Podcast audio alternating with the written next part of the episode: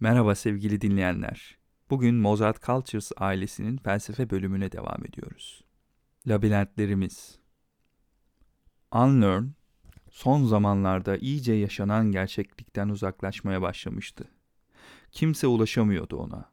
Ya aklı anlamdırılamayan bir hızdaydı ya da belki artık hızın bile söz konusu olmadığı bir boyuttaydı. Yoksa hızdan bile bahsetmeye gerek olmayacak kadar işlevsizleşmiş miydi? Hiçbir yerde miydi ya da en azından herhangi bir yerde miydi? Yoksa aynı anda her yerde miydi? Unlearn'e uygulanan analizleri ve test sürelerini rutinin iki hatta üç katına çıkarmıştı Bilge Kurul. Ancak her analiz, her test daha çok soru üretmekten başka bir işe yaramıyordu. Zaman zaman analiz seansları kesintilere uğruyordu çünkü tıkanıyordu. Bu şekliyle seansa devam etmenin anlarına sıkıntı yaşattığını ve acı çektirdiğini düşündürdükleri için bırakıyorlardı. Anlar kıymetliydi elbette. Öncelikle bir türü olarak kıymetliydi, ayrıca bir hasta olarak da kıymetliydi. Tüm doktorların ilgisini çeken bir tanısızlık durumu vardı. Ayrıca seyahati tek tecrübe eden tür olarak ondan öğrenilecek tüm o sonsuz evrene dair bilgiler vardı. Unlearn'ı söyleyeceği tek kelime bile belki Unlearn'ın söyleyebileceği tek bir kelime bile belki yaşanan kaotik düzen ile ilgili çok önemli bir cevaptı. İlerleme hatta çözüm olabilirdi ve zamanları da kısıtlıydı. Bilge Kurul o akşam yine analizleri ve test sürelerini görüşmek için toplanmıştı. Ancak o akşam farklı bir akşam farklı bir toplantı olacaktı.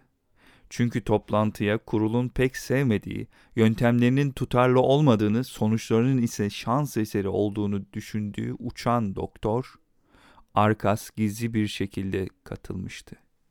Toplantı her zaman olduğu gibi alışılmış sıralamasında ve hızında ilerlerken Arkas beklenileni yaptı, ortamı bir anda hararetlendirmeyi başardı.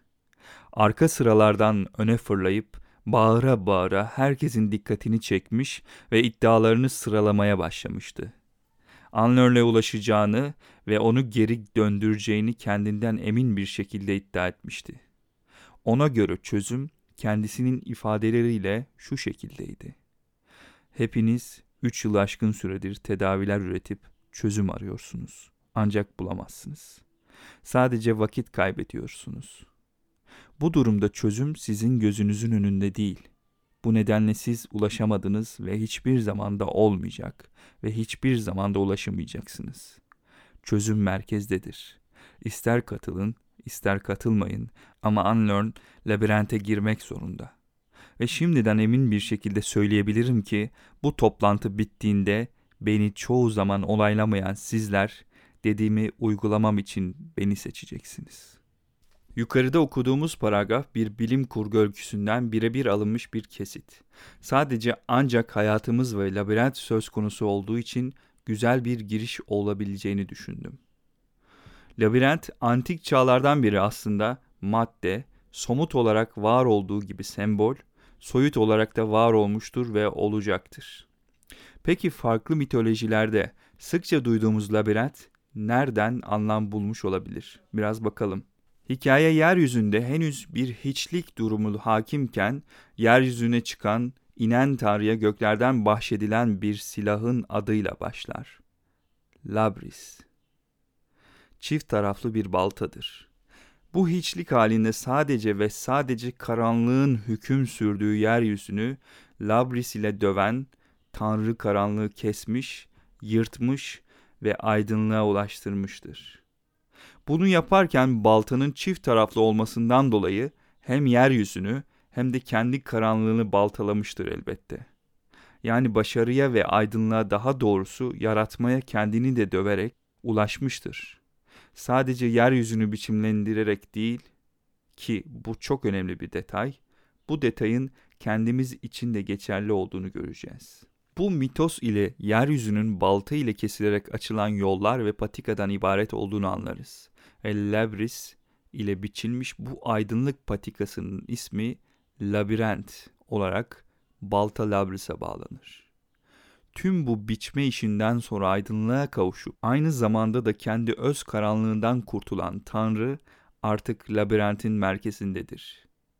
Yüce güce kavuşmuştur.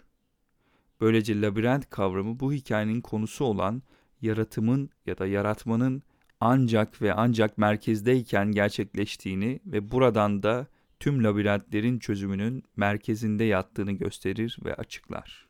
O zaman diyebiliriz ki labirent kaçmak için değil, gitmek, ilerlemek içindir.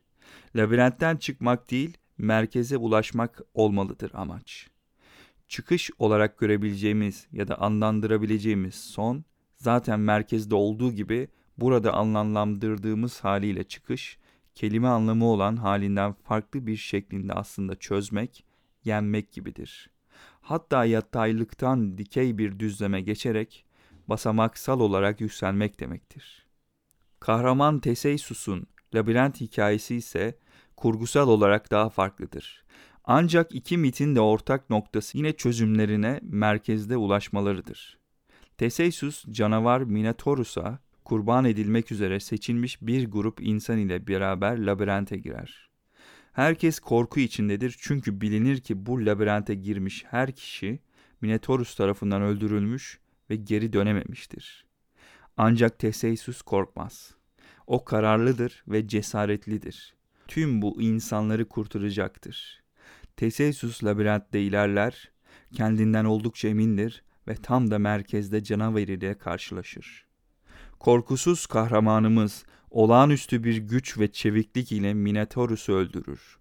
Ardından aşkı Ariadne'nin verdiği ip yumağı sayesinde dönüş yolunu da kolayca bulur ve dillere destan bir başarı ile labirenti yenmiş, tüm halkı kurtarmış, biricik Ariadne'nin kalbini bir kez daha kazanmış olur. Modern hayatlarımızın figürü olarak labirentler, Bizler her geçen günümüzde yeni bir girişimi oluşturmak, yeni bir isteği var etmek ve yeni olanaklarla tanışmak gibi fikirlerle yani dürtülerle birlikte yaşıyoruz.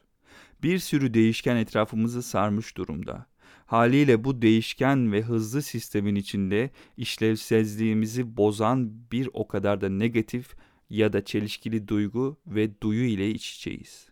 Her birey bu merdiven sisteminin sonsuz kombinasyonu içerisinde bir ileri bir geri, bazen hep ileri, bazen ise hep geri, belirsiz ama kendi içinde belirsiz bir düzeni olan hayat dediğimiz aktiviteyi edimliyor, işliyor, gerçekleştiriyor. Hepimizin hayat aktivitesinde ışıl ışıl duyguları, başarıları ve sevinçleri olduğu gibi yıkıcı duyguları, düşüşleri ve korkuları da vardır her zaman da var olacaktır. İşte bu karanlık durumlar bizlerin karanlık labirentleridir. Bu duygular, düşünceler güçlüdür de. Tüm anınız bulutlarla kaplanır. Mutluluğa yol gösterecek tüm ışıklar kapatır. Bu durumun içindeyken hemen herkes daha kolay olarak görüp uzaklaşmayı, diğer bir deyişle hızlıca etrafındaki bulutlara göndermeye çalışır. Ancak bu gerçek bir çözüm değildir sadece labirentin bir başka koridoruna geçmişsiniz demektir. Boş bir seçiştir, hatta seçim olmayandır. Hala labirenttesinizdir, yönsüz ve kararsız bir şekilde. Oysa labirentimizin amacı onun merkezine ulaşmasıydı. Bunun için de gereken kararlılık ve cesaret, bunun için ihtiyaç dolu olmak, bilgiyle kendimizi doldurmak, şu an bahsettiğim her anlamda bilgi ve erdem iradeli olmalıyız. Umutsuzluğa düşmemek ve gereken çabayı içimizde hissedebilmek için emin olmalıyız. Merkeze ulaşıp orada kendi karanlığımız ya da kendi canavarımızla savaşı geleceğimizden bu süreçte mecazen elimizdeki balta hem bizi çevreleyen o bulutsu griliği kestiği gibi kendimizde de törpülenmemiş biçilmesi gereken taraflarımızı da kesecek ve bir nevi bizi ve karanlığımızı tedavi edecektir. Tıpkı büyük kahraman Teseysus'un labirentte onu bekleyen canavar Minotaurus'u yenmesi gibi biz de kendi labirentimizde bizi bekleyen tüm yıkıcı karartıları yenebiliriz. Ve tam da merkezdeyken bir demet güneş ışığının eşliğiyle dikey sistemde büyük bir adım atlayabiliriz. Çoğu mit, mitos kendi içinde bunun gibi bir sürü fantastik hikaye taşır. Burada unutulmaması gereken hepsinin içeriğinde şahit olduğunuz efsanevi anlatımlar kadar gerçeklikte olması. Hepsinde renk renk dersler çıkar. Bazen karanlık, bazen aydınlık, bazen rengarenk, bazen soluk ama içeriği hep zengin ve öğreticidir. Bu öykülerin üzerinden o kadar uzun zamanlar geçmiş ve bizler artık modern zamanları yaşayan gerçek insanlar olarak dilerim ki kendi psikolojik labirentimizin içinde kendi kahramanımız olalım. Bilgi, erdem, zeka, irade ve direniş yanımızda olsun. Labirentimizde kaybolmayalım, aksine amacımıza ulaşalım ve başarılı olalım.